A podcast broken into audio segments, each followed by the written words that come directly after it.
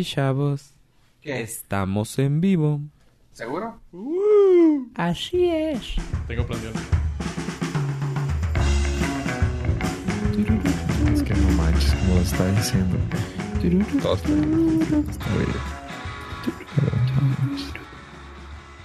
Y luego, a ver, ¿qué, qué hemos estado es, platicando acerca de, ¿De Fortnite? sí, tu último gran hallazgo? Ok. Eh, que Fortnite, el juego de... ah, ¿Cómo se llama? Battle Royale. Que ya lo están catalogando como red social. Y sabes que me, me, me dio bastante curiosidad la nota. Fortnite tiene, bueno, Fortnite ha recibido más dinero que el Producto Interno Bruto de creo que 15 o 20 países de este mundo. Ouch. O sea, el Producto Interno, o sea, toda la captación del, de feria de un país es menor a lo que ha ganado Fortnite. Me dio Sí. mucha risa que, que salió eso de que Fortnite le gana a Red Dead Redemption 2 en los juegos del año. Y dicen, "Po- qué bueno que no pueden, que por eso no votan los niños de 8 años. oye". Por eso tienes que tener más de 16 años para Sí, poder votar. Sí. 18. Sí, pero ah, sí estaba leyendo que lo consideran ya un- como una red social porque los chavillos entran y aparte de que están jugando, están pues unas tres, cuatro horas platicando. Entonces, pues están más en contacto. No necesitan compartirse nada por otro tipo de redes sociales porque todos se lo dijeron en el día. He estado viendo varios eh, como recaps de- en YouTube y está bien cura. O sea, se meten para no para jugarlo, sino para convivir y duran partidas de que, que, o sea, el máximo ya es que se va reduciendo el círculo también, Ajá. pero o sea, llegan como 30 o 40 el último círculo, así como que neta. Oh, ok, como que Sí, o sea, no, no, no entran a matarse. Nomás entran para convivir. Qué, Ah, qué duro. Eh, pues mejor vete un chat. No, es que dicen que es como el ruido de fondo. O sea, como, pues no sé. es Background raro. noise que Ajá. hacían antes. Sí. Pues que también acuérdate que la necesidad de, de socializar, Socializar. se ha vuelto, pues, siempre ha sido, ¿no? Porque, por ejemplo, cuando salió Half-Life 2, pues ahí veías un chorro de gente. O sea, a mí, yo, yo nunca entendí eso. O sea, qué flojera. Pero si lo pensamos ahorita, en el hecho de que tienes a X número de personas ahí conectadas y puedes hablar con todas ellas y puedes hacer desastre, pues qué chido. Simón, es como. A mí- A mí, por ejemplo, por eso me gusta el un jueguillo, no sé si lo han escuchado, se llama PUBG. PUBG. No, la verdad no. Mm, Es también otro ba- Battle Royale. Eh, que, y por eso me gusta, porque pues así como que puedes estar con cuatro camaradas ahí conectados y a gusto, porque creo que son los más que se pueden, aunque si tienes un clan que le llaman, creo que puedes chatear con todo el clan. No sé cómo está ese rollo. Creo que empecé ya puedes hacer teams de 6 o de 8, no estoy seguro, pero algo había leído de eso. Pero está chido. Chavos, Yes. ¿están listos? Dale. Y bienvenidos al Nordcast, su podcast del norte. Yo soy Fuego Rivera. También tenemos aquí a... Hola, yo soy yo Pollo Congelado. Y también a... Ave, PUBG Estrada. Bienvenidos, chavos. ¿Cómo están el día de hoy? Muy bien, porque por primera vez no tengo preguntas esta semana. Sé perfectamente a lo que se refiere Ave. y aparte yo tengo harto, harto frío porque este siento que este es el primer día que realmente se siente el inviernecito rico aquí en la zona. Sí, hoy sí se siente que es invierno, ¿verdad? Estamos a Cero grados. cero con sensación térmica de menos cuatro y si me asomo a la ventana se nota un ligero, ¿cómo es? Copeteo de nieve. Ajá. Está nevando, entonces eh, es bonito, es bonito. Eh, Coincide pues, con las fechas. sí, el equinoccio de invierno entró el ve- 25. el 21 de diciembre. Entonces, ¿Cuál cambio de ¿Cuál cambio climático, chavos? ¿Cuál cambio? Entonces, pues sí, o sea, ya, ya ahora sí estamos en invierno. Ahora sí es oficial. Estoy dando. Ahorita que dijiste lo del copeteo, dije yo, a ver. Y ya, ya abro y veo así el, la parte, la parte trasera aquí de, de, la casa y está mojado el cemento. Y yo, ay, no es cierto, ya se, ya está secando. Y les tiro más y alcanzo a ver en las persianas el, el zacate y ya todo nevado. Yo, ok. Sí, es que, o sea, no se aglomera en la, en un no, es, es muy poca la, es muy poca la, la cantidad de nieve que está cayendo. Entonces, este, en cuanto toca el cemento, se, se vuelve agua. Sí, siempre pasa que llueve o chispea antes y luego empieza a nevar y no se, no se alcanza a acumular inmediatamente, sino hasta de unas, unas cuantas horas. Que llega el tiempo, al el clima, pero no el clima, perdón, la temperatura exacta para que ya se empiece a congelar el, el agua. Oye, ahorita estaba pensando y es algo medio pues oye gacho, ¿ah? pero estaba hablando con una persona que alguna vez tuvimos aquí en el, aquí en el podcast que se llama Gil, no sé si se acuerdan. Gil Beltrán. Ese culono. Ese culono. arroba Gil Beltrán. Arroba Gil Beltrán, exactamente. Le estaba contando, digo, no, es que aquí con el clima así. Y luego, o sea, neta, y no es por ser mamón, pero es que hay, hay personas en el sur de México que no conocen la nieve. O sea, porque es raro que, pues, bueno, muchas, muy pocas partes en México neva, que tengo entendido. Sí, pasando a Monterrey para abajo ya es cosa inédita, excepto el Nevado Toluca y el Pico Orizaba. No, o sea, pero sí que llega a caer así de que, ah, nevó en En la ciudad, no. O sea, lo, la mayor emoción que yo he visto en una persona capitalina es que graniza y dicen, se ve blanco y lo, pues sí, pero no nieves un chingo de hielo. Hielo lo pendejo. Sí, sí, no, no. No, pero me refiero así en general. O sea, de que, por ejemplo, alcanzas a ver así de que muy poca gente ha conocido y que una que otra ciudad que sí me acuerdo, no me acuerdo qué, qué personas me han dicho. Ah, es que sí nos cayó una nevada, pero así de que nos cayó una nevada ahí por el 98. Ah, órale, güey. Cuando pasó el tornado. Ah, Ajá, casi, casi, güey. Ah, madre. Pero ahorita, por ejemplo, le estaba explicando yo a Gil. No, pues es que mira, está cayendo, está cayendo ese tipo de nieve que es así como bolita, pero se deshace y, y pues como que nomás pues les podría explicar a alguien que ya ha vivido ese tipo de clima o que ha tenido nieve pues, muchas veces, ¿no? O sea, porque ahorita sí les explico eso, ¿no? Ah, pues ahorita en la tarde estaba cayendo el tipo de nieve que es bolita y que se, y pues se deshace en agua. Pues como que sí entenderían ustedes porque si lo han visto. ya si les digo un copo de nieve, pues sí, un copo de nieve, pero pues ese tipo de nieve que le estoy explicando es así como que oh, rara. Y tampoco tienen dipping dots. Ah, haz de cuenta, serán distintos. Entonces les dices, es como los Dipping Dots y lo mm, tampoco. ¿Qué es eso?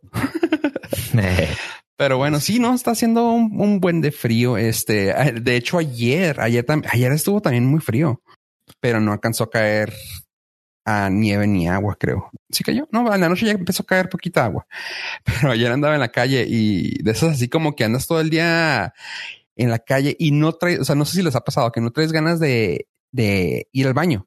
Pero con el frío, pues la vejiga se, se aprieta y de eso que, uy, uy, tengo ganas de hacer el baño. No, nomás la vejiga. No, todo, todo se aprieta. Todo se aprieta.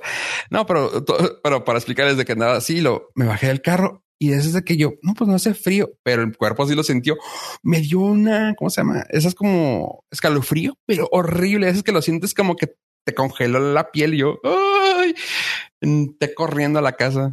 Estuvo bien, bien cagado Disculpen. Nomás quería comentar que se me hizo bien Ahí para, para información, estamos eh, a la presente, cero grados centígrados. Por favor, no hagan el chiste de ni frío ni calor, porque nada más una persona que nunca ha estado a cero grados dice que no hace frío ni calor. Hace frío. No es un frío espantoso, pero hace frío. La sensación térmica, que es como realmente se siente, eh, ahorita dice menos seis. Entonces. Menos seis. Menos seis, que estamos hablando como unos 23 grados Fahrenheit por ahí. No sé, los grados Fahrenheit nunca me han hecho sentido. Pero sí, estamos eh, lo que viene siendo el frijolito de invierno. Eso donde te metes a las, a las cobijas y ya no quieres volver a salir nunca más. Ese es el que se siente ahorita. Como que el la casa? está como para Netflix y coffee. Netflix en coffee. En coffee, sí. ¿Cuál chill? A la fregada del chill. No, no, es, bueno. Pero sí es debajo, debajo de las cobijas, porque si no, Sí. sí, Más sí, bien. ahorita aventureros no, porque no es en contra Sí, de, la- de la- de las leyes de la física. Pisar el suelo frío. Sé lo que estás diciendo. ¿Alguno No, de ustedes este vio alguna a ver. Algo de Netflix o alguna película que no quiso salir A ver, como una pregunta. Una pregunta, Ave, antes de que toquemos ese tema, ese tema que estás preguntando. Cuando tú estuviste en aquella ciudad fría, ¿qué fue lo más bajo que, que estuvieron de frío? O sea, ¿cuál fue la- cuál ha sido la temperatura más baja que has estado? ¿Qué fue lo más bajo que hiciste y qué fue la temperatura más baja que estuviste? Sí. Lo más bajo que hice. comí de la calle, comí de un bote de basura y eh, menos 14. Menos 14. ¿Tu pollo? Sí. En tu, en tus viajes. Creo que lo más bajo que me ha tocado fue aquí, la era.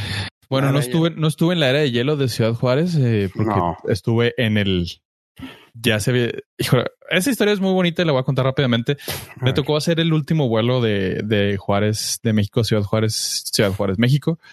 Y eh, cuando aterrizamos, me acuerdo mucho que le dije al capitán, sabes que hay que meterle gas porque ya se va a cerrar el aeropuerto. Y así, no, no, ¿cómo crees? Y lo, es que va a empezar a nevar.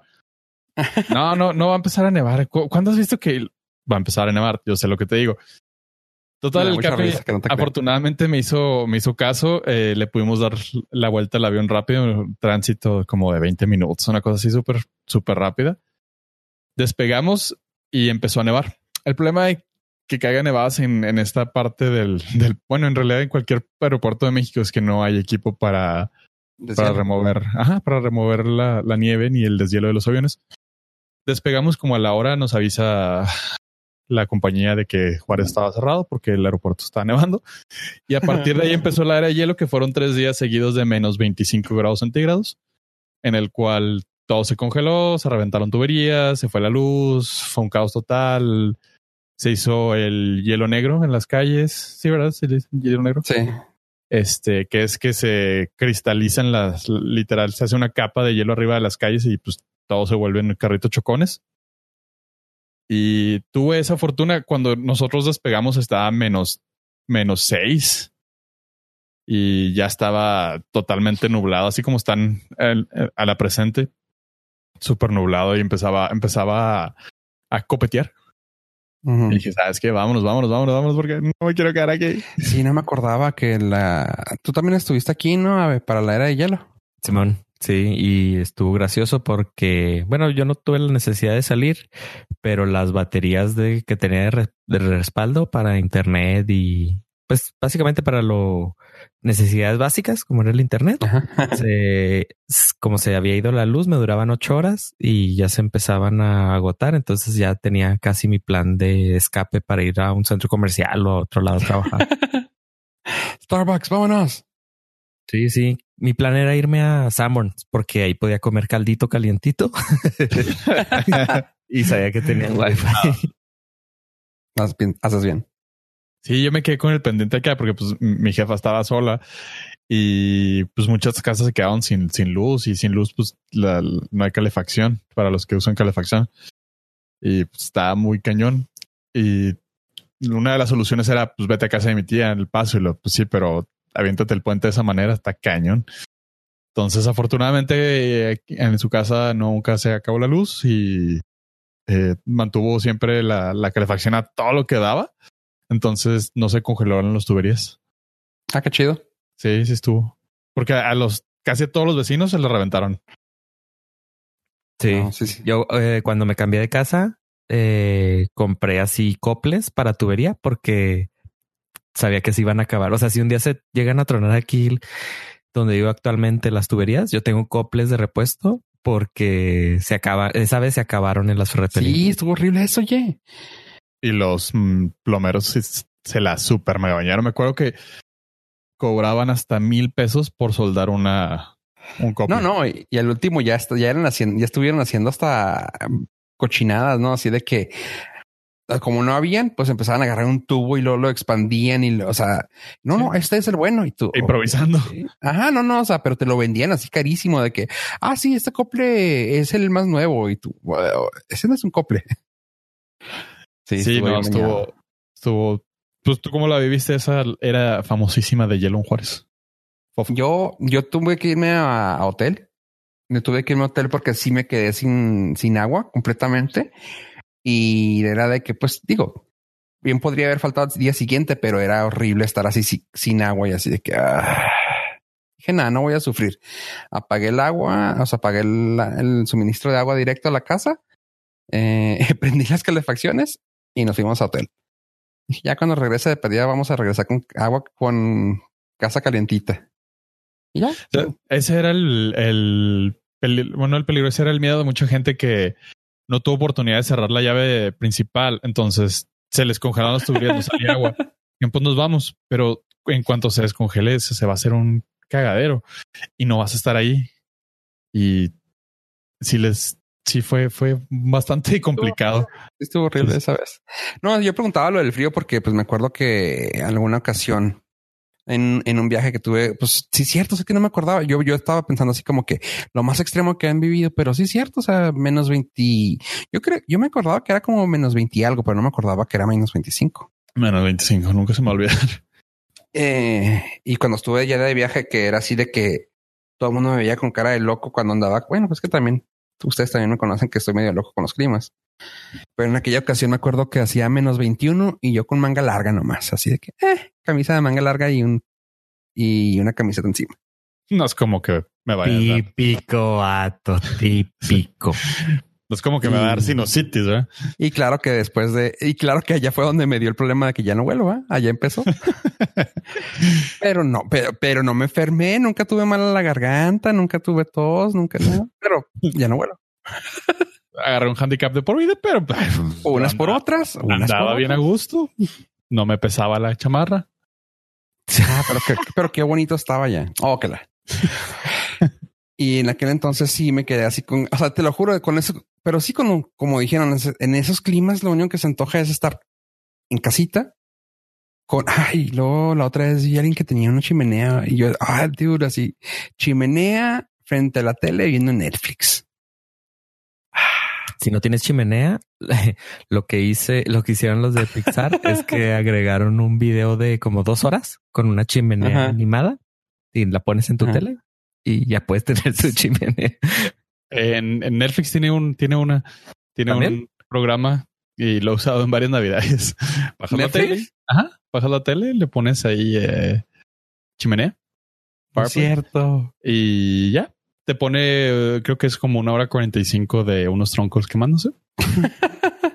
y con el sonidito y todo. Entonces está toda madre.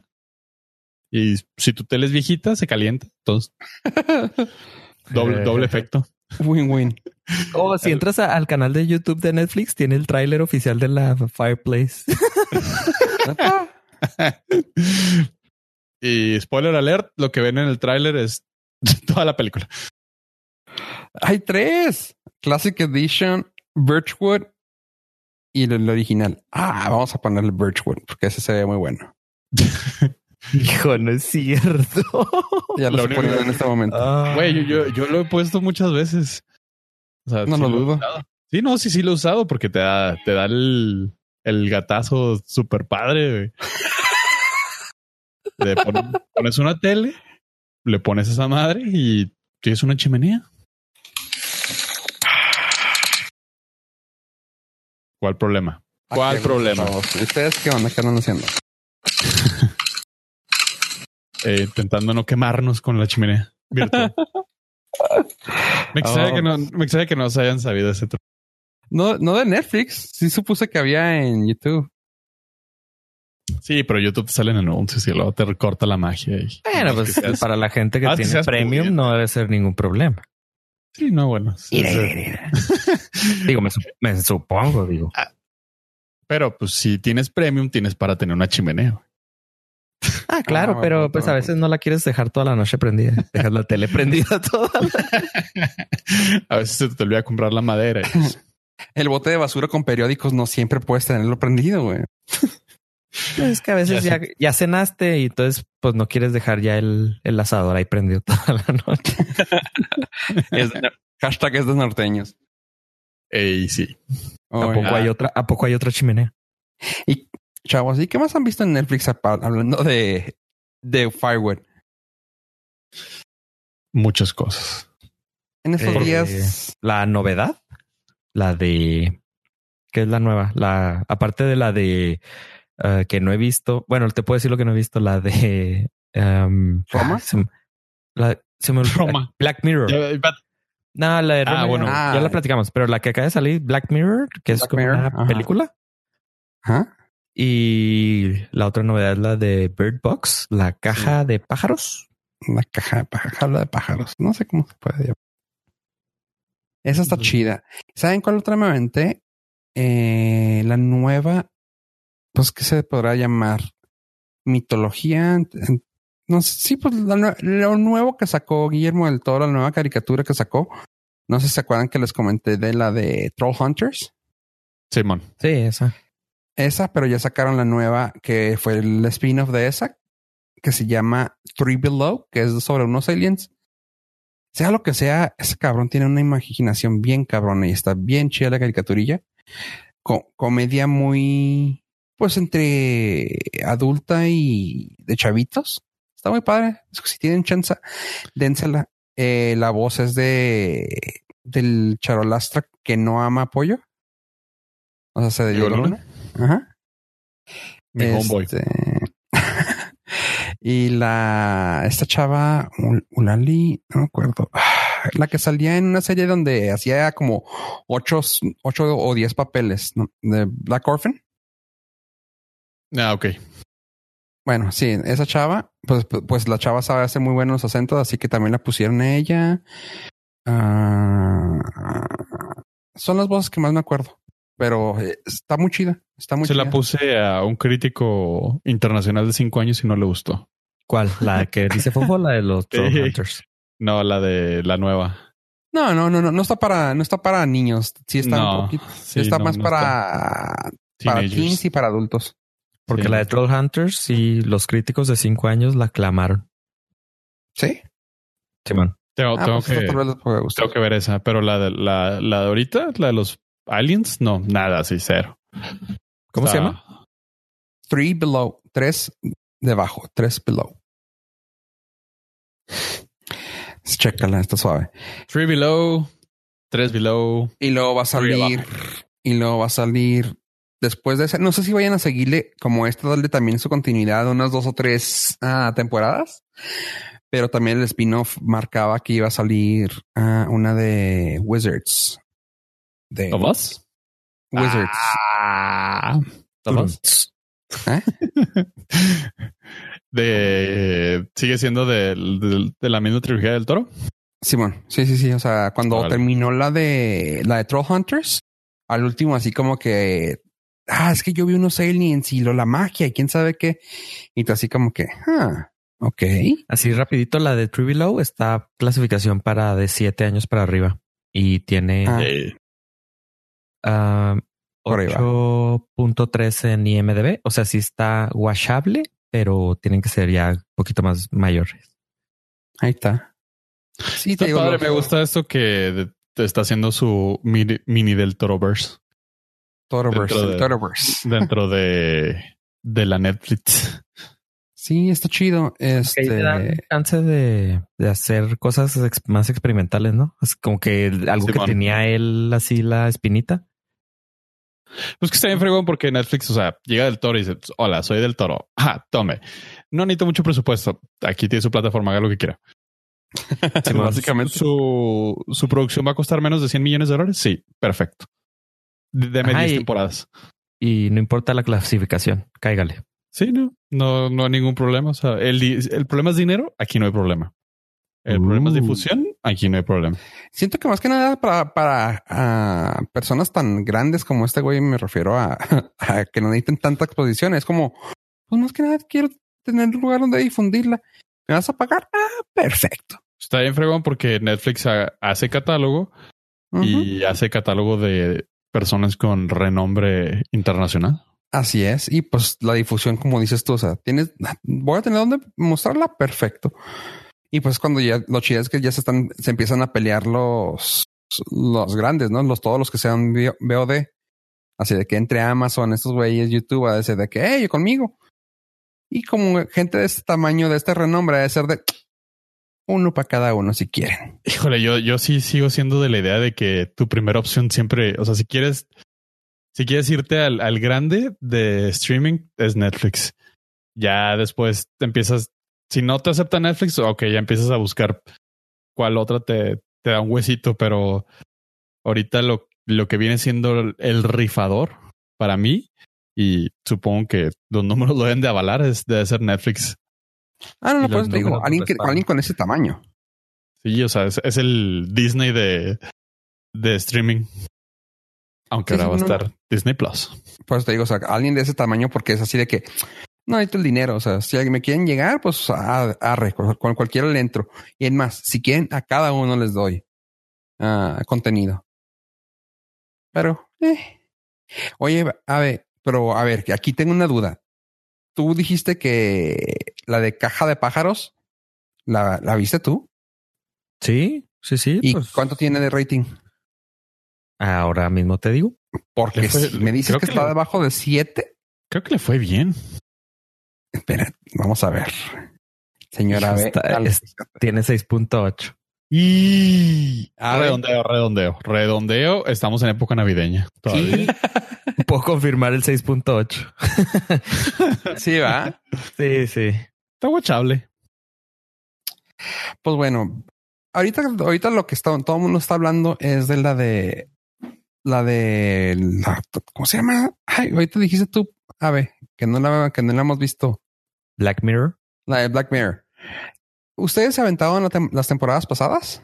¿O hasta cuál aguantaron? Creo, creo, no, creo que vi la última temporada. Fue la de la red social, ¿no? Y que marcaban tu No, esa ya está, ya es la anterior. la penúltima.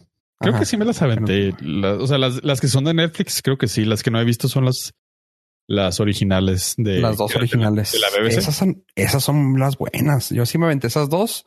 Me aventé la primera de Netflix y me quise aventar la que siguió de las, o sea, la, la segunda temporada de Netflix y me. Ah, ya me acordé. Sí, me aventé la, la pasada. La, creo que el capítulo más destacable fue el de Star Trek. eh, quién sabe. Pedos. y por eso no, yo- por eso ahorita que Ah, salió, yo, no, yo vi la segunda de, mm, de Netflix donde sale Ajá. Bryce Dallas Howard. Ajá. Exactamente. Eh, Sí, pues todos la vimos eso. Ajá, pero nada más aguanté el una media hora, o sea, la mitad de ese capítulo y no volví a ver nada más. ese, ese capítulo salió en el 2016. No sé qué temporada es, pero fue hace dos años. Si tiene chance, aviéntate las primeras dos temporadas. Esas, si, si no te causa cringe, son las buenas. Para mí fueron las mejores. Por eso la dejé de ver porque ¿Te dio no estaba de, ajá, no estaba de humor para, para verlas. Aventaste la computadora a la chingada. No, o- eh, mm, mi problema no fue eh, el tema, sino red. eh, como los- no sé, me dio flojera. Ah, ok. Sí, sí. No fue la paranoia, sino la narrativa. Sí, el- no, no me enganchó, pero pues el tema, pues ah, es, Están es pesados, casos- o sea. ya es casos de la vida real, ¿no? Sí. Sí.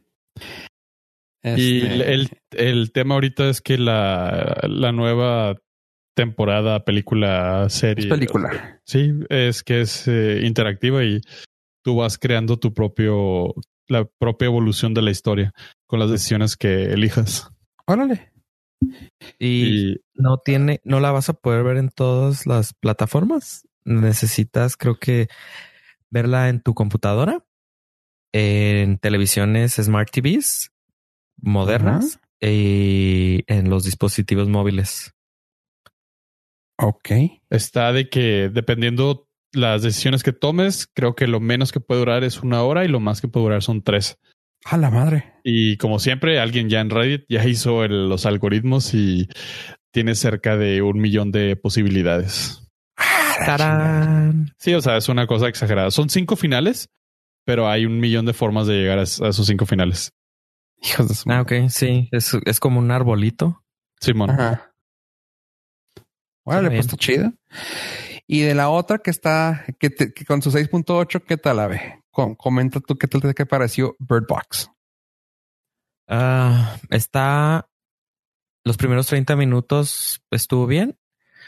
Eh, no voy a, obviamente no voy a revelar nada para los que no la han visto, pero cuando empezaron a, o sea, cuando salen los niños que se ve que sufren, ahí ya la dejé ver.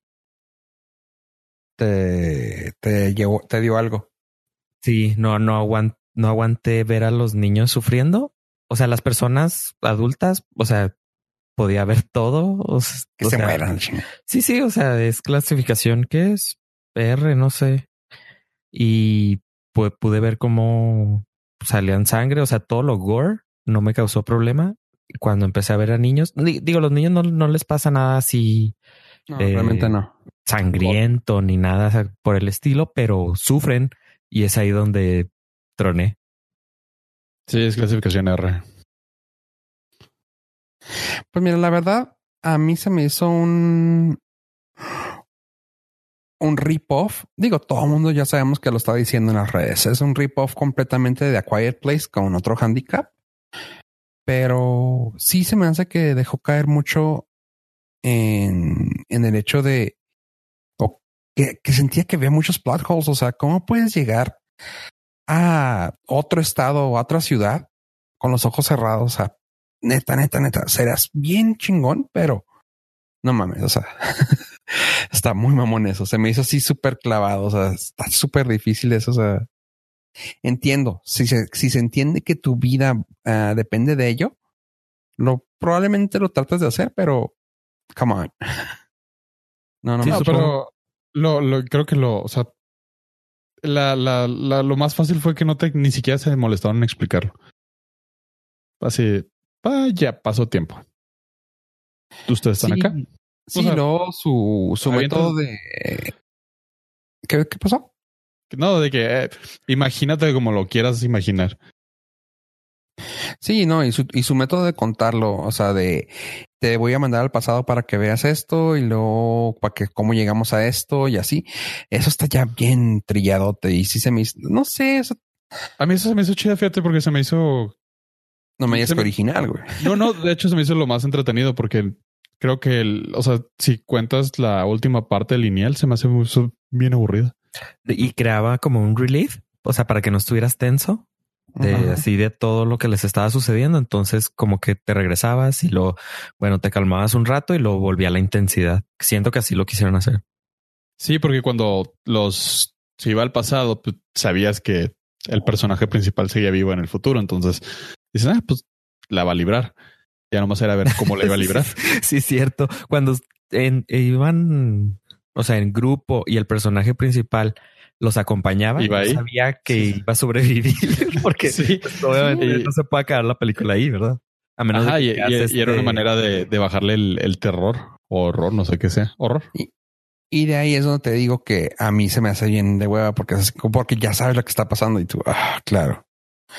Y ah, no sé, como que trataron de explotar mucho el hecho de los niños. O sea, como que fue demasiado obvio para, para mi gusto comparado a Quiet Place, que decías tú, pues para dónde va? O sea, quién va a ser aquí el, pues no que el principal va, porque ya sabemos quién es el principal, pero es como que de quién me voy a interesar, a qui- quién me quieren vender que me interese. Y aquí fue así demasiado de ellos se tienen que interesar. Ah, Es como cuando la- está la- ¿Te la aventaste toda, ¿no? Ave, o no? ¿O la dejaste Eh, de ver, Ave? No, la, No, sí, la- la, la adelanté. O sea, la empecé a ver por cachos y luego ya vi que, que seguía, que seguía, que seguía y le iba adelantando. Como En la escena donde yo les digo quién tiene que ver. ¿Sí lo viste eso? No quiero, es que no quiero spoilear. Sí, es, digo quién muy, se asome. es muy spoiler. Nomás esa parte. ¿Te suena a ti o no? no, Ah, ok. Bueno, entonces, entonces no digo nada, pero pues nomás ahí se me hizo así me la, como que- me la spoilearías también a mí. No, no, sí, no, es que sí, sí, es- que es una parte muy importante. en, en general, esa escena se me hizo así como que, o sea, claro, sí, o sea, es para que te saque, sacarte la lagrimita de, ah, pero bueno, eso después si le tienes chance de verla, esas partes, está, sí es emotivona en esa parte, pero es de que sabes que te lo tratan de vender de, para que te sientas mal y tú, ah, come on. Aquí yo tengo una, un, un- una pregunta. el, sabemos, digo, yo no vi A Quiet Place, pero sé exactamente de qué va. Sin embargo, creo que esta película está haciendo un chorro de ruido, a pesar de ser un rip-off, como dices. Creo que este sí es el verdadero efecto Netflix. O sea, la otra salió en el cine y sí tuvo éxito y todo, o sea, estuvo chingón. No, no, o sea, estuvo bien cabrón Pe- la otra. Pero he visto más movimiento de gente hablando de esta película que de, de Quiet Place. Por lo mismo, porque pues está en tu casa. Y, O sea, sí, pues, ese es el, el verdadero valor de Netflix. Exacto. A, a pesar de que no es la gran producción y es súper original y, y que cumple con la... Como que siempre que sale una muy buena película, un año, al poco tiempo sale la versión genérica. Y esta fue la versión genérica de Quiet Place. Pero esto fue un gran éxito. Súper Sí, gran no, éxito. no, Está- claro. Leyendo que 45 millones de cuentas la, la vieron el primer fin de semana. Eso se me hace bien raro, ¿no? Porque Netflix, es- esa es una de las cosas del marketing de Netflix que se me hace bien cabrón, mañosón, pero cabrón. O sea, Pues nunca dan sus números. O sea, pero cuando quieren así como que hables de algo, suelta, alguien suelta una cifra. Al- Sí, cuando a-. Porque nunca sale de ellos, según esto. De que, ah, es que 80 millones de personas lo vieron en dos semanas. Ah, esta es la serie que más se ha visto en todas partes y no hay nada oficial de Netflix. Y tú, eso es, eso es un marketing 101, pero está bien, cabrón. O sea, es un BTL a todo lo que da de, pues lo suelto por acá y digo aquí una cifra y así, y ya se va a esparcir. Y ahorita la cifra en donde abras, si buscas Bird, ah, Bird Box, Netflix, te va a salir la cifra 45 millones. Y tú, ah, come on. Está, está bien, Está- chido, está bien ah, manejado, güey. Está muy inteligente. Sí, sí, muy, sí. muy sí. inteligente. Sí, sí, sí. Pero me- bueno, se me hizo muy. Ah, Yo sí la vi, por ejemplo, yo no vi a Quiet Place, pero esta sí la vi porque ¿Qué te estaba en la tele. ¿qué te dio? Del 0 al 10, ¿tú, tú qué dices, pollo? ¿Sí te vas con el- lo de Internet Movie Database o Ah, yo soy más eh, benevolente. Yo sí le doy el 7, no el 6.8. Le, ¿Tú, le doy el 7. 6.79. Sí, bajó, bajó. bajo? Ay, yo estoy con pollo, fíjate. Sí, sí le doy sus 7. O sea, no, no, no. O sea, me la aviento si, si la veo. O sea, bueno, ya la vi, ¿verdad? pero si la viese así en, en el on the wild, in the wild, digo, ah, mira, Sandra Bullock ah, para Netflix. Eh, déjame la aviento. Es que es eso aparte, o sea, es Sandra Bullock en Netflix. Y aquí Sí, contra quién era la otra, Emily Blunt. Emily Blunt y John Krasinski. Ajá. Supongo que Sandra Bullock pesa más. Sí, sí, sí. Sí, Todavía. pues, de Todavía. los dos, pero pues lo chido es de que si te pones a, o sea, si te pones a ver cómo subió John Krasinski con ser el director y el escritor de la otra, dices tú, le das más valor. Al menos yo le doy más valor a la otra. No, no, pero aquí, aquí estamos hablando de valor de No, no, de- taquilla, de, De- del o sea, sí, quién jala más. Sí, quien de vende más. asientos, claramente. Sí, no, que tú lo consideres ese vato mejor, pues es- totalmente válido, pero la que jala más en Sí, sí, ventas, sí. No, sí, taquilla, pues sí fue Sandra Bullock. Más traseros en asientos. eh, fue, No, o sea, es ella. Simplemente el, el, el póster es Sandra Bullock y lo abajo, Box. Sí, sí. ¿Neta? No. No, lo he visto. Oh, sí, es cierto. O sea, lo, Sí, sí. No, o sea, no, no necesitas nada más que su nombre. Y se hace muy fregón. Netflix ya está, o sea, ya tiene tiempo, pero ya está aterrizando actores de categoría A. Simón, eso le da un, un este, un estatus. No, no, desde antes, ¿no? No por eso, pero o sea, que está bien fregón que cada vez hay más actores de la lista de los A que están reculando a, a Netflix. Y sí, o sea, no tengo ninguna duda de que por lo menos la mitad de los que le dieron play fue nada más porque vieron a Sandra Bullock. Mm. Correcto. O sea, yo no lo hubiera visto. A Quiet Place la vi porque era un fenómeno, ¿no? Así que una película donde no pueden hablar, pero si esta hubiera sido la película donde no pueden ver, pero es el refrito de la película donde no pueden hablar y hubiera tenido una actriz que no, pues ni la conozco o que es medio actriz B, pues no la hubiera visto. Pero la, la verdad la vi por Sandra Bullock. Sí, sí, sí. Porque Bueno, era la- de, la de A Quiet El Place no botón. la, no la, no la vi por Emily Blunt. O sea, no me, y aparte tampoco me gustó.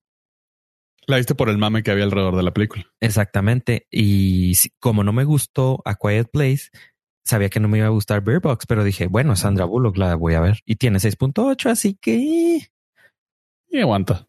6.8 con otra actriz, no la veo. true, true. Sí, sí, sí, sí. Tienes películas de eh, películas de 7, o sea, en el rango, el espectro de 7, que es 6.78 para arriba a 7.2, son catalogadas como palomeras. Y tu casa, una película palomera, es 100% recomendable. Simón. La neta. O sea, a lo mejor en el cine dices, ah, pues estoy pagando y a lo mejor no, pero mi tiempo.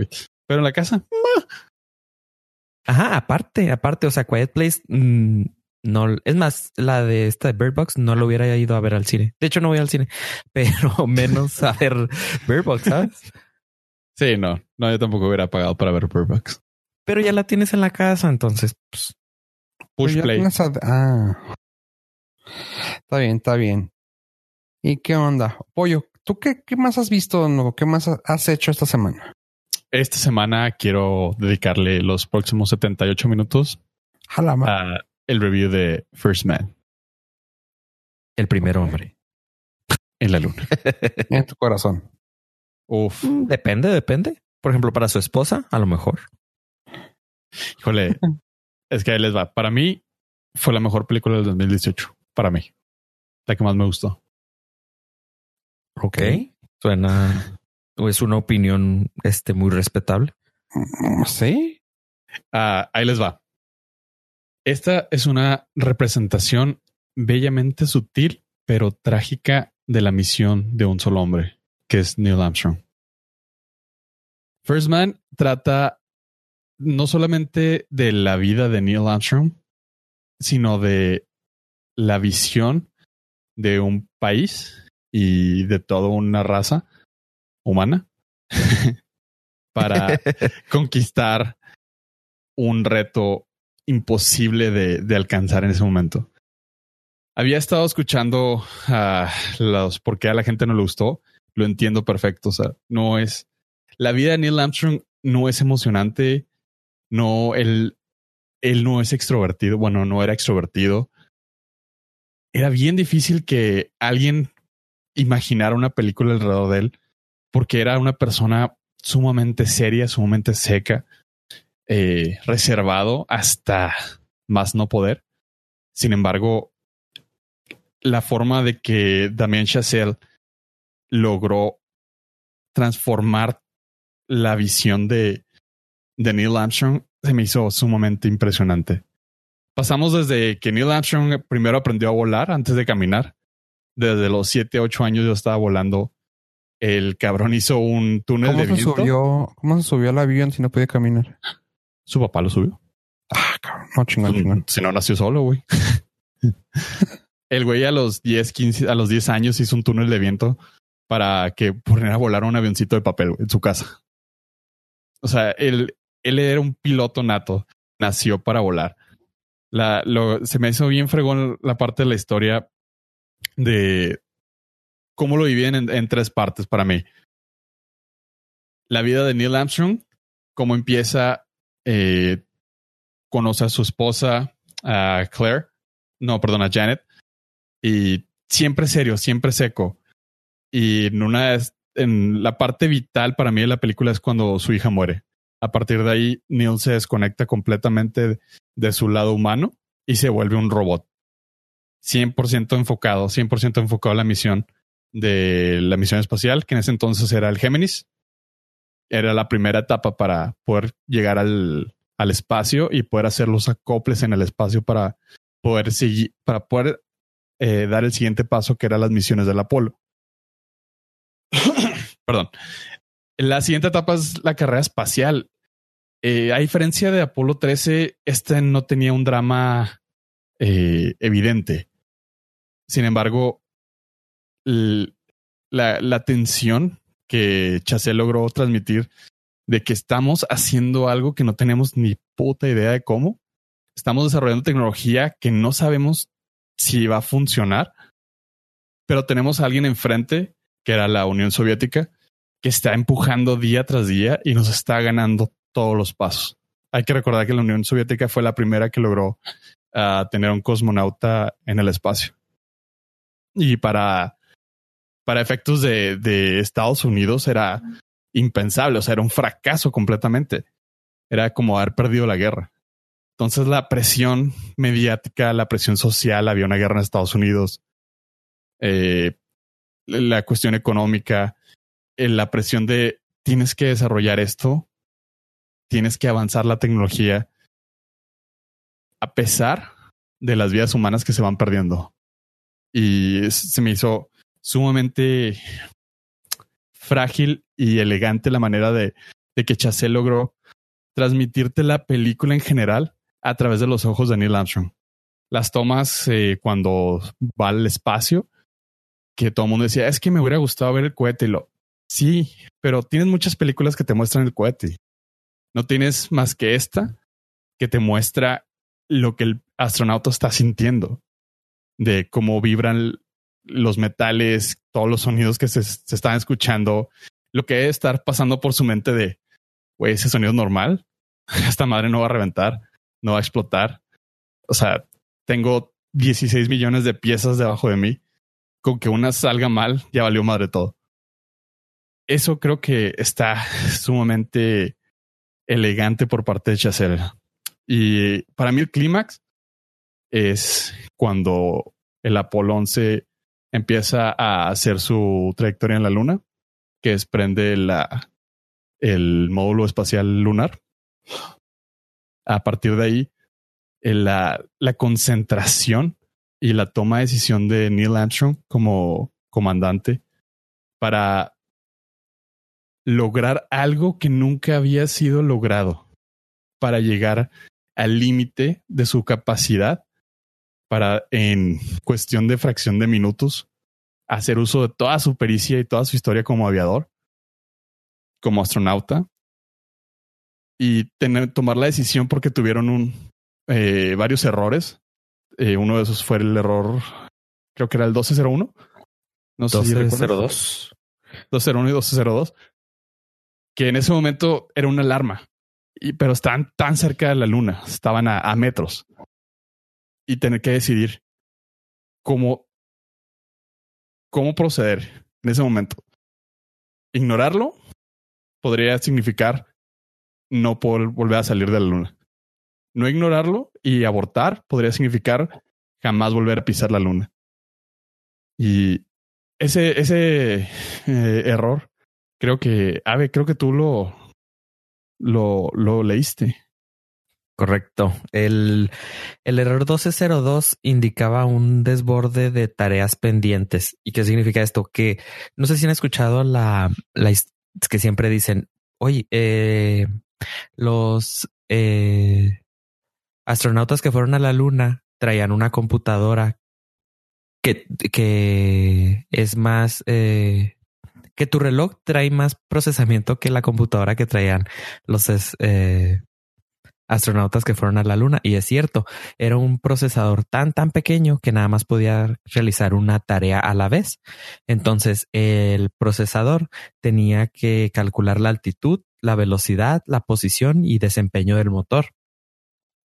Pero no lo podía hacer al mismo tiempo. Es como en una calculadora que tú puedes hacer un cálculo a la vez. Entonces, para em, tener este efecto de que estaba haciendo el proceso de esos cuatro elementos, de esos cuatro sensores a la vez, eh, hacía uno pero lo hacía tan rápido que al ser humano se le hacía eh, al instante. Entonces el procesador estaba calculando estas cuatro cosas al, y pero las hacía una a la vez. Como era andar rápido, tenía el efecto de que las hacía al mismo tiempo. Cuando eh, necesitaba hacer un cálculo, tenía un nivel de prioridad. A veces necesitabas calcular la altitud, a veces calcular la velocidad o el desempeño del motor primero que, que cualquiera de los otros y iba dejando una lista de cosas pendientes por hacer. Eh, en el módulo de comando, que es el, eh, el cohete grande, traía seis espacios en memoria para tener esas tareas pendientes. Cuando terminara de hacer la que tenía más prioridad, se iba a la que seguía y iba dejando espacios de memoria en blanco. En el módulo lunar traía siete. Entonces, cuando ellos van aterrizando a la luna, traían siete espacios en memoria, pero eh, tenía que hacer tantos cálculos que se llenó la memoria de, de tareas pendientes por hacer. No había ningún problema en teoría. Entonces el error marcaba que la memoria se había llenado, pero los cálculos seguían eh, haciéndose. Lo que pasa es de que nunca pensaron que, que y, todos esos cálculos tenían tan alta prioridad que se iba a llenar la pequeña memoria que tenía ese, ese procesador. Entonces el error 02 es un, un desborde de tareas pendientes por hacer. Y lo más eh, inteligente que, pudo haber pasado es que Buzz Aldrin, eh, otro de los, de los astronautas de la misión del Apolo 11, eh, tuvo la, la, gran visión de delegarlo. Dijo, no, no podemos con esto. Houston, dinos qué es esto. Y un cabrón en Houston había hecho un acordeón de fallas y lo tenía en la mano. Y cuando vio, no, no, este no, no es nada importante, ignórenlo. Y pudieron continuar con la, con el alunizaje. Cabe destacar que uh, Neil Armstrong logró hacer el aterrizaje en la luna con menos del 5% de combustible para abortar. Estaba ya en, en fase crítica de decisión. Estuvieron a nada, nada, nada, nada de que fuera una misión eh, fallida. Una de las cosas más que me gustó más de la película, eh, uno de los puntos eh, épicos para mí, es que cuando al fin logran alunizar y abre la, abre la compuerta del, del Eagle, lo primero que pasa es completo silencio. Se completo, completo silencio. Lo que realmente sucede en la luna. No, no hay ruido en el espacio y luego te pone desde primera persona como eh, Neil Armstrong va bajando del en la, escalerilla y empieza a hacer las pruebas de del suelo y la resistencia y todo. O sea, puntos muy muy elegantes, muy muy elegantes de de lo que realmente sucedió. Y esto es una de las cosas que más me gustó en la película. No está romantizado la cuestión técnica no, no quisieron tratar de hacer un blockbuster. Lo trataron de llevarlo lo más cercano a lo que realmente sucedió. El momento donde Neil Armstrong se, se va caminando por la luna, él se desconecta cerca de 30 minutos donde no habla con nadie. Es, logras comprender el que la persona más seria y más eh, reservada se quiebra. Y. Pollo, una pregunta. En estos momentos, ¿tú estás llorando? No. Porque suenas así como que te estás quebrando. estoy muy emocionado. Estoy muy emocionado. No, es que sí me gustó. Eh, logras entender que esta fue una promesa cumplida a su hija que murió a los cuatro años. Y lo después regresa a la Tierra y la escena final donde eh, toca la mano con su esposa a través de la cuarentena porque cuarentena no sabían qué iba a pasar. Se me hizo súper ¿Por qué cuarentena? No, porque llegan del espacio y no sabían qué tipo de bacterias o radiación podían no podían tirar patrulla. No, no, no va por ahí. No, tampoco pueden, Pues no podrían porque están separados, pero la, la, la forma de terminar la película porque cualquiera hubiera elegido terminarla en la luna, porque era la cúspide del clímax. Pero simplemente regresaron a decir, son dos humanos normales. Su vida continuó como antes de que se fue al espacio. Punto. No había más. Ok. Cool. Ah, ya la quiero ver otra vez. La plática tan bonita que la quiero ver otra vez. Es First Man. Y visualmente me gustó mucho, mucho, mucho la música, todo se me hizo muy, muy bonito. Y es por eso que en lo particular se me hizo la mejor película para mí del año. A ver, del 1 al 10, ¿cuánto le das? Llorando acá, te quiero preguntar. 9.9. Ay, ay, ¿cuál es el 10? A ver. 10 no existe. no, no. Cuando, cuando tú le das 10, cuando tú le das Estamos hablando de las garnachas, güey. No es el. Cuando tú le das 10 de las garnachas. Es que no puede mejorarse. Y esto, esto es Bueno, esto no puede mejorar. No, porque te lo puedes te lo pueden tumbar. O sea, 10 y puede haber un 10 arriba de este ya. No, el 10 siempre está por venir. Siempre hay algo que te sorprenda. Es la esperanza. El 10 es la esperanza. De, un mejor mañana. ¿Y, tú, que la viste? ¿Cuánto le das? Un 8. Sí, sí, me gustó mucho porque. ¿Y ya con lo que platicó Pollo no sube? No, no, no, porque no. Pollo tiene ahí conexión sentimental. Sí, ya sé. No, es que, es, una, es, una, película muy sentimental, o sea, mucho, eh, pero no es, no es de, no está, no es aparente. Pero la, la forma que Ryan Gosling logró interpretar a, o sea, le quedó el, el así como dicen, el, el anillo al dedo o el madrazo al muertón. Eh, la forma en que logró interpretar a una persona seca, seria, introvertida y reservada, lo logra hacer muy bien. O sea, y los hijos de Neil Armstrong lo avalan. Lo avalan. Sí, pues fue, fueron eh, participantes activos en el desarrollo de la historia. Tanto del libro como de la película. Sí, porque dijeron, les preguntaron en una entrevista, les dijeron, ¿y cómo ven a Ryan Gosling? Dice, no, lo, lo, interpretó lo más cercano posible a la realidad. Los hijos de Neil Armstrong. Mm. Ese es el punto que me gusta. Es, es un biopic de la vida de Neil Armstrong acerca de una misión. Punto.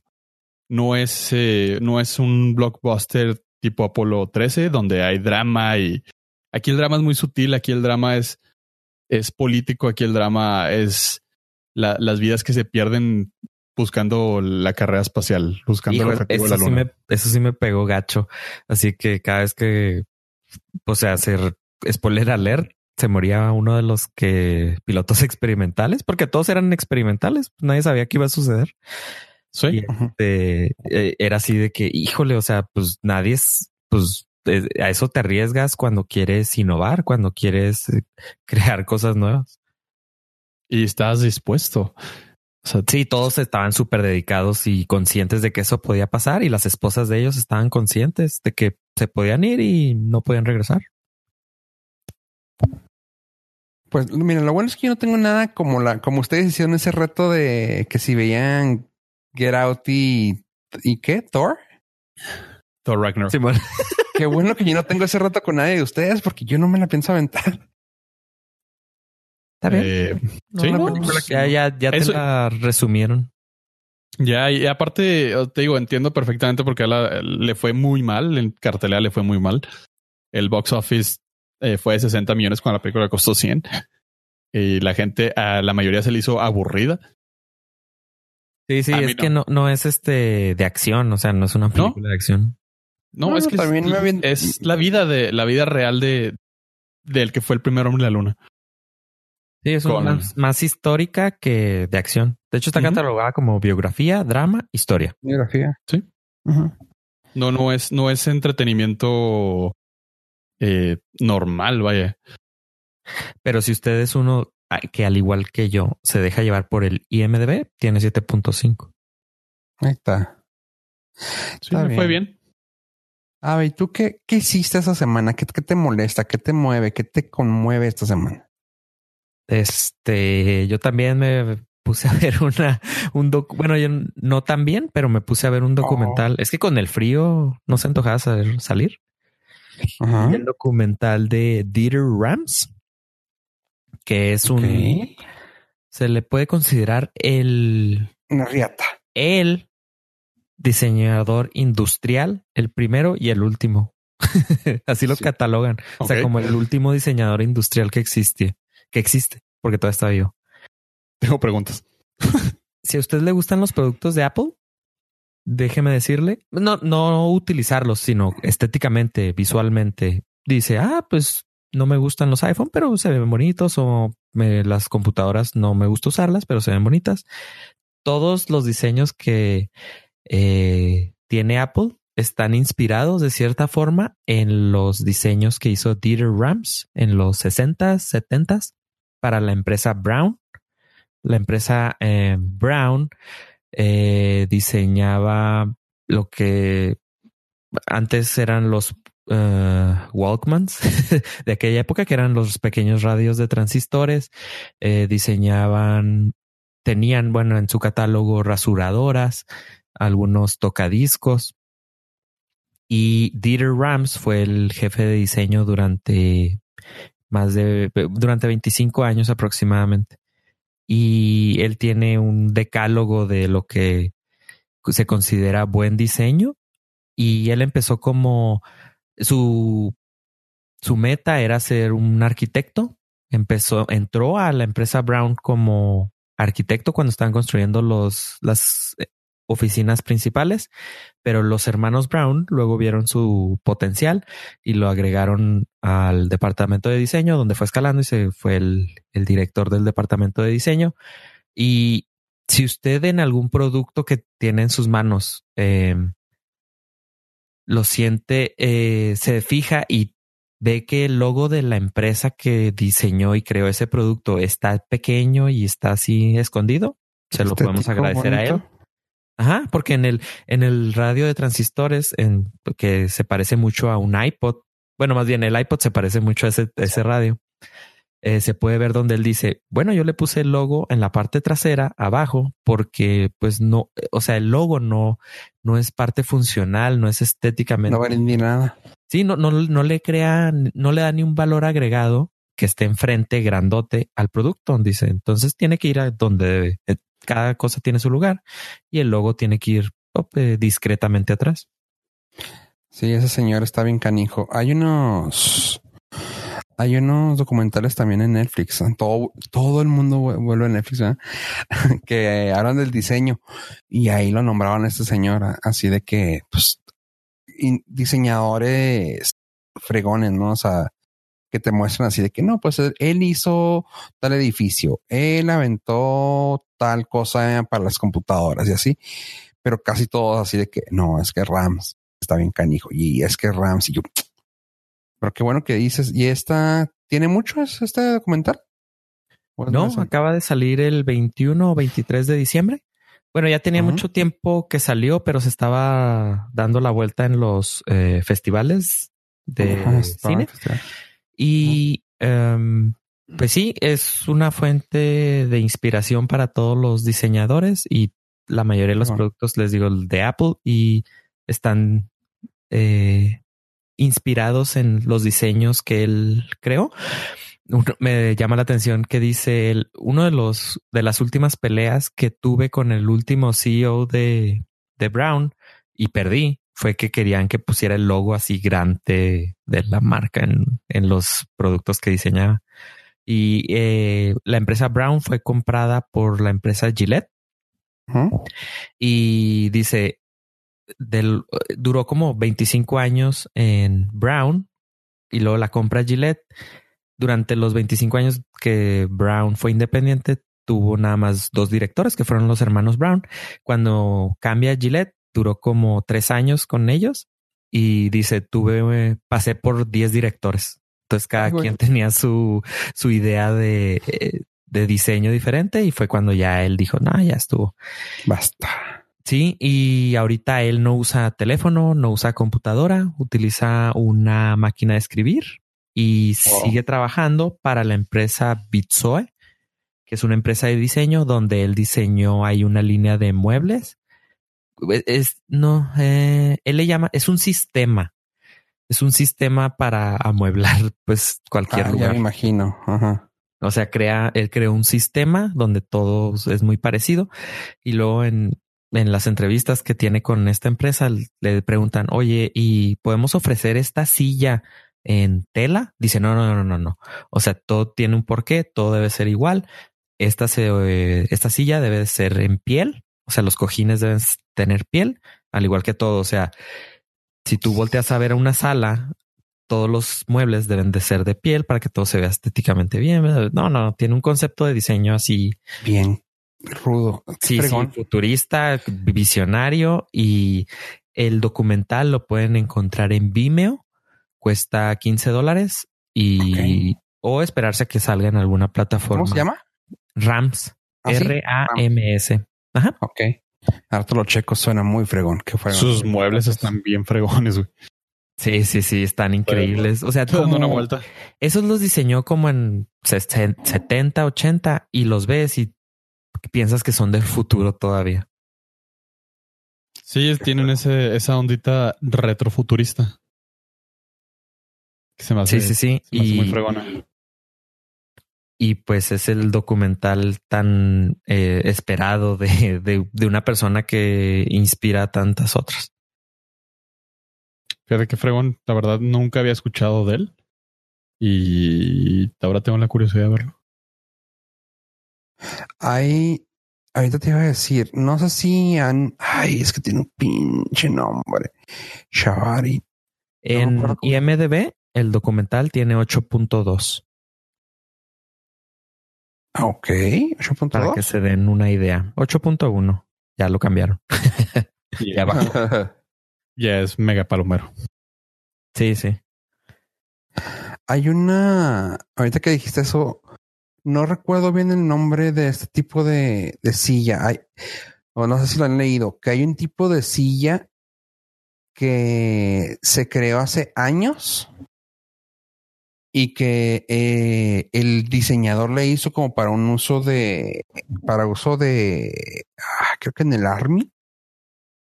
Y que es el que básicamente la silla, así cuando te imaginas una silla donde están entrevistando a alguien en la policía, ¿Sí saben cuál es? Así, la, la típica silla metálica de cuatro patas. Las que usan en el seguro social. sí, es que Es que- eh, la silla No esa que bien. tiene caída redonda. Ajá. Sí, de ¿sí fibra de vidrio. De Pues es de metal. No, no, no, no, no, no, no es, no es esa que tú dices, ya sé cuál. Es una metálica con las patas así como que dobladas. Les voy a pasar la imagen para que luego la chequen. Creo que sí. Este, sí, sí, disculpa, es que se me olvidó. Pero básicamente, ahorita que dijiste lo de que todo tiene un, un sentido del por qué. O sea, los- la otra estaba escuchando en ese, en ese, en esos videos Netflix que te digo, estaban diciendo que el diseñador le hizo así como que para que, porque era lo mejor que podías usar para sentarte en el aspecto de que está súper, súper rígida y puedes usarlo con, con, met- con el mínimo de metal que, que necesitas para armarla. Tan, tanto Oh, así que se hizo famosa que cuando que se empezó, que ahorita las- la buscas y se vende carísima, carísima. Pero es así de que, Que es, que exagerada. es toda de aluminio. Ajá. Sí, no, no recuerdo, recuerdo. el nombre, por- pero es así como que tú, ok. Y ahorita que dijiste lo de este señor, dije yo, ¿cuál será? No me acuerdo cómo, no me acuerdo cómo se llama, pero las buscas y ahí hasta marcas piratas. Así de que, ah, claro, o sea, si no te cuesta 150 dólares cada silla, ahorita te lo estamos vendiendo a 100 dólares. Ah, sí, bueno, sí, todos los diseños eh, así famosos pero tienen. pero totalmente patentada, güey. Está bien, está bien Sí, cabrón eso. Y pues como dice este señor, sí me imagino, o sea, ya la quiero, ya quiero ver ese documental. Qué fregón recomendación, a ver, thank you. Y pues no sé si quieran escuchar eh, uno de mis de mis recomendaciones, ya que Pollo ya se orgasmió, tú también, que yo también creo que, te sigo con, con esa, esa orgasmeada. Yo me, to- me toca la mía. Chavos, salió una caricaturita muy bonita que se llama Spider-Man Into the Spider-Verse. Que le, que en México le llamaron como Spider-Man en otro universo. Lo correcto sería multiverso, ¿no? Le pusieron un nombre raro porque pues no, no, acá- yo sé, yo sé, así le pusieron, pero Ah, sí. lo más apegado sería como que Spider-Man multiverso, en ajá. el multiverso. sí, pero acá le en inglés pusieron Spider-Verse, que pues en el, el arañaverso, pero pues Sí, no sí, en el multiverso. Este, hands down, sin fallo alguno, creo que la mejor película de superhéroes del año. Tomando en cuenta que salió Avengers. Avengers. Eh, del año, tal vez, pero eso sí, la mejor película de Spider-Man hasta el momento. O sea, de cualquiera de las que escojas. Ah, ¿A Como poco dato. le gana a. A Spider-Man Spider- bailando, Simón. sí, Spider-Man bailando, güey. ¿Neta? No, no, no, no. tiene, güey, en está- IMDB tiene 8.7. Sí, o sea, está. No, no mames, güey. O sea, es como se, es como deben de ser las películas de superhéroes, güey. Punto. Le dio cátedra. O sea, Sony tú, se puso las pilas como que dijo, no, no pienso perder mi, mi ownership de un personaje de Marvel, güey, así nomás. Y se puso las pilas bien cañón y se aventó una cosa hermosa, güey. O sea, se, pues, no, no, no mames, no tiene, no tiene madre, güey. Este, desde el momento de que la animación como la hacen, hay unas escenas donde hacen que no encajen los cuadros, por así decirlo. Os digo, todo es, todo es eh, digital. Pero no sé si se acuerdan ese tipo de imagen vieja de cómics que se ven así los puntitos rojos así encima de otros colores. Ah, sí, sí, sí, sí. Que lo utilizaron mucho en, en diseño web hace un par de años. No, pero eso es como de tipo Andy Warhol, ¿no? De esa, época. Pues, pues, pues, ajá, pero más que nada era por el tipo de arte que era de cómics, que era cuando no cuadraban bien los, los, los, los cuadros de color y pues se salían los colores encima de otro. O sea, ese tipo de cosas lo utilizaron, güey. Utilizaron las burbujas de texto, uh, los thought, uh, los thought boxes, o sea, muchas cosas muy bonitas, pero no lo exageraron al momento, al, al punto de decir, ay, ya, güey, ya cansaron, güey, ya se mamaron. O sea, no, está muy bien pensado. Incluso, uh, digo, todo lo que voy a decir está, salió en el tráiler. Sale el Spider, el Ham, el, básicamente el, el, puerco araña. Puerco araña, puerco araña. puerco araña. huevo. Este, lo fregón de eso es de que como, como ese es un personaje cómic, uh, o sea, cómic me refiero casi casi al punto de Warner Bros. Casi de ese tipo.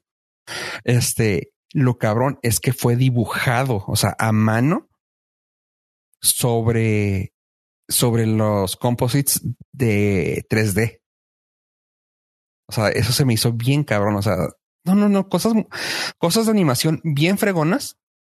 El tema está muy chingón y ha tenido unos espinos bien fregones hasta ahorita. O sea, de hecho, hay un gaga ahí adentro de la película donde, ah, es que Spider-Man no, que también salió en el, también salió en el, Tyler, que dice tal vez me conozcan por esto, por aquello, por aquello, y que sale una paleta. No se acuerdan si, no sé si lo vieron el, el, el trailer que sale.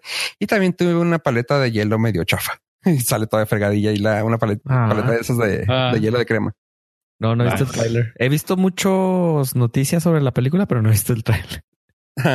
Qué bueno. No, no, no. Mejor, mejor. Si te la vas a aventar y está chida para verle con los niños, ¿eh? no tiene cero violencia gráfica. O sea, si alcanzas a ver así de que, ah, pues escuchó un balazo, pero no alcanzas a ver ni siquiera que apuntó una pistola ni nada. O sea, es clasificación PG. Uh -huh.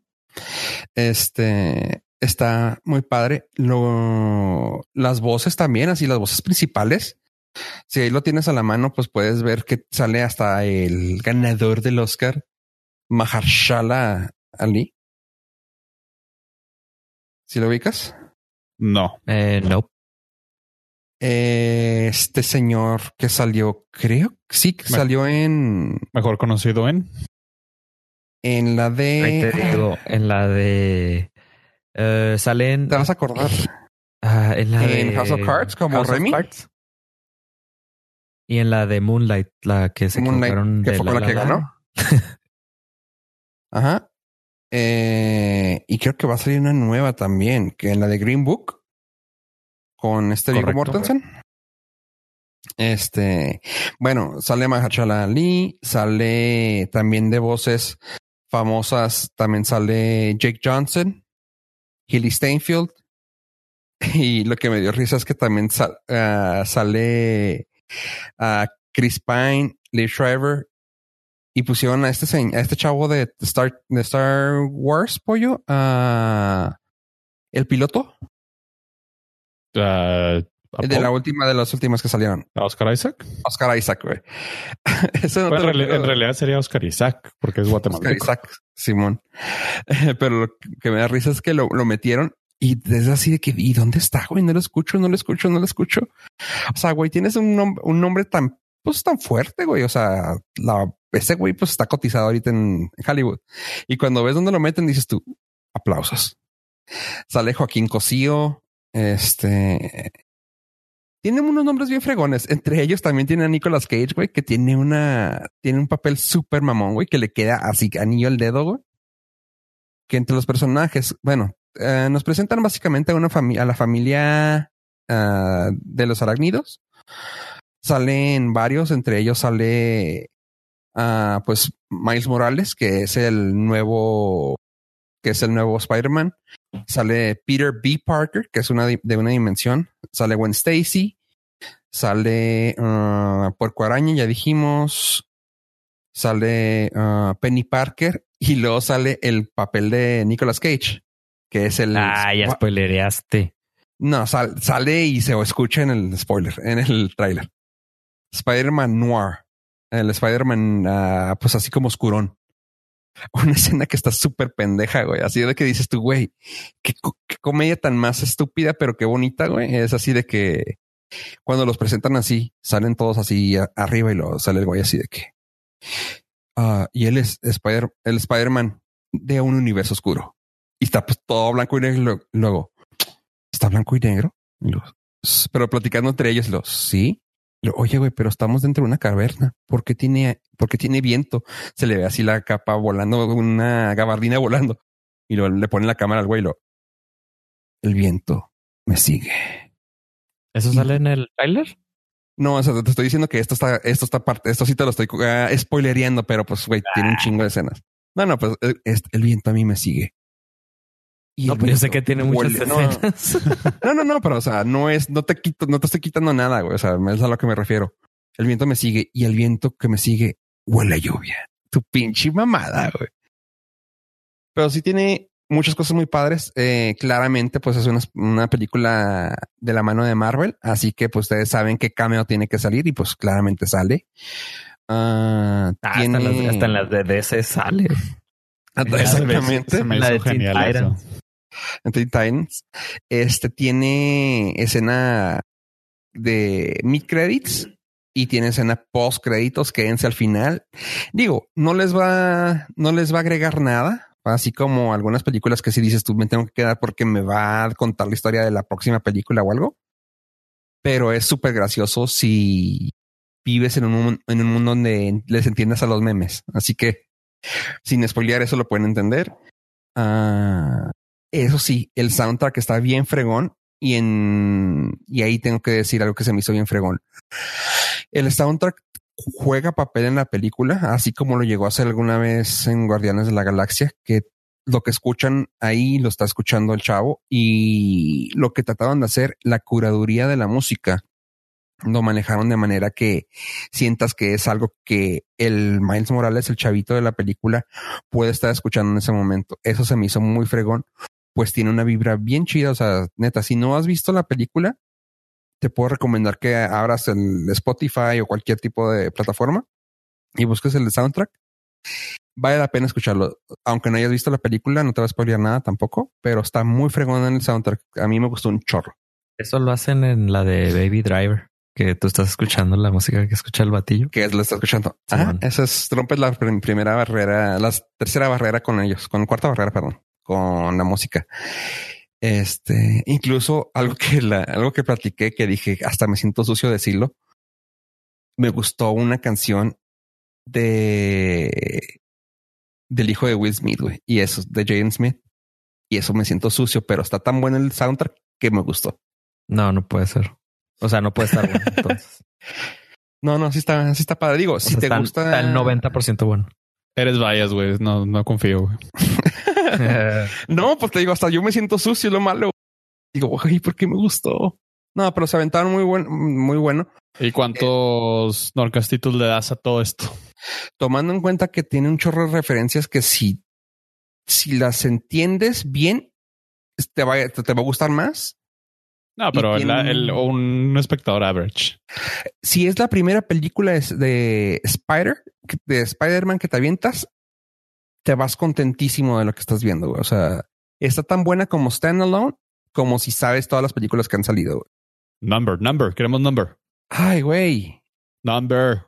Ah, sí, tú dijiste que el 10 era imposible y no me gusta a mí usar los decimales. Sí, digo que un 9. Y está mejor First Man, güey. Ya ves. No, no cuál, vamos es, a usar cuál die- decimales. ¿Cuál es tu 10, Fofo? Mi 10 es muy mío, güey. No, no, no, no existe tampoco. Si nos vamos así. si lo que sea, dicen me, que no me- me existe. me tiraste cátedra durante 30 minutos. Y porque, dijiste- no, es que el 10 y yo tengo ¿Y dijiste un 10. 10? Tengo 10, 10. No, yo tenía razón por la cual no tener 10. Tú Ah, sí. ahí está.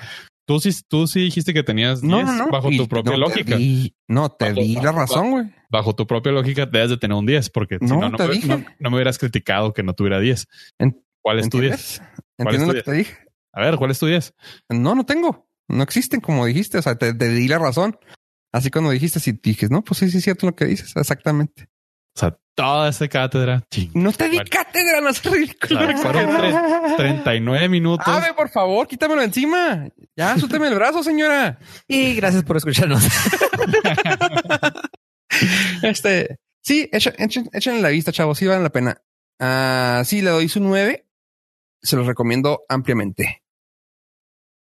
Nice. Y ¿Pa' qué va? Pollo, ¿algo que quieras a- opinar, de agregar a este su podcast de confianza? Si llegaron hasta este momento, les queremos dar las gracias porque este ha sido un episodio bastante agradable y no se olviden de seguirnos en nuestras redes sociales como Norcas, Facebook, Twitter, Instagram, donde compartimos historias, noticias, fotos, eh, recomendaciones, recetas y entre otras cosillas. En lo personal, si gustan seguirme en Twitter como arroba yo pollo, si quieren saber qué está haciendo nuestro charolastra favorito, que es Diego Luna, pero su compa, Gal García, que anda muy activo políticamente ahorita. Ave, Muchísimas gracias por escucharnos. Recuerden entrar a la página nordcast.com donde están este y todos los episodios con sus respectivos enlaces para los trailers que quieren o no ver.